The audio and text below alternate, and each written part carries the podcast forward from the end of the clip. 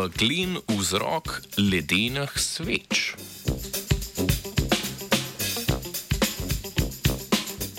Morda se zdi, da znajo fiziki in fizičarke opisati že vse zanimive fojne. Vendar je bil denimo na pogled enostavni nastanek nagubene površine ledenih sveč vir navdiha za znanstveno skupino iz Kanade, ki je svojo študijo nedavno objavila v reviji Physical Review E. Prejšnje raziskave so vides valovitih sveč pripisovale zračnim mehurčkom, ujetim znotraj ledu, ki naj bi dokazovali hitro rast kristalov in otekanje tekočine. V študiji pa so znanstveniki in znanstvenice ugotovili, da so za nagubanje površine ledenih sveč krive nečistoče v tekočini.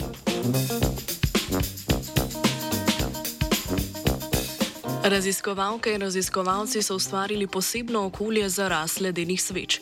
V škatlo nadzorovano vlažnostjo in temperaturo so z vrha škatle dovajali tekočino, ki je padala na vrtečo se stožasto podporo.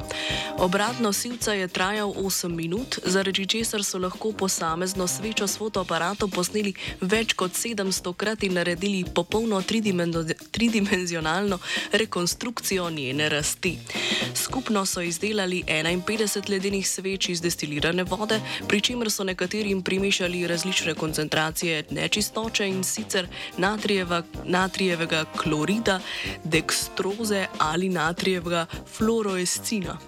Za primerjavo so uporabili vodovodno vodo iz Toronta, ki tvori ledene sveče z izrazito nagubanim površjem. Vsako svečo so z dveh strani stopili do preseka debeline 3 mm in poslikali.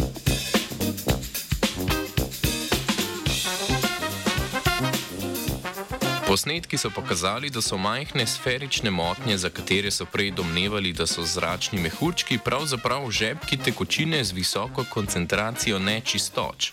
Da bi se plini ujeli v obliki mehurčkov, bi bila potrebna zelo hitra ohladitev ali pa kakšen drugačen proces, ki zajame in zadrži kapljevino med nastankom sveče.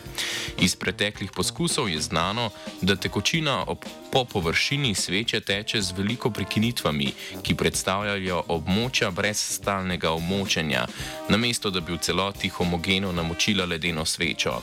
Narava teh tokov je močno odvisna od koncentracije nečistoč, ki spreminjajo vlažilne lastnosti površine.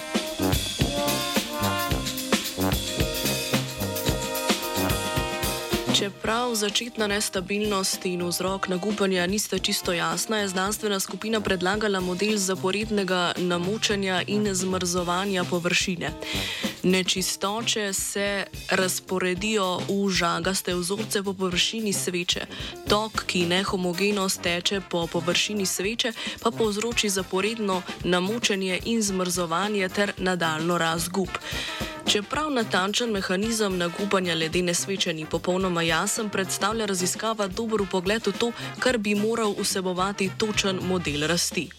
Na koncu avtorice in avtori opozarjajo še na nejasnost vzroka univerzalnosti valovne dolžine nagubanega ledu in upajo, da bodo z nadaljnim delom lahko razkrili tudi to neznanko.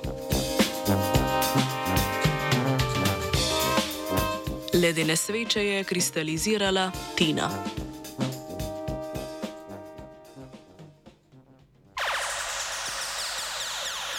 Radio študent.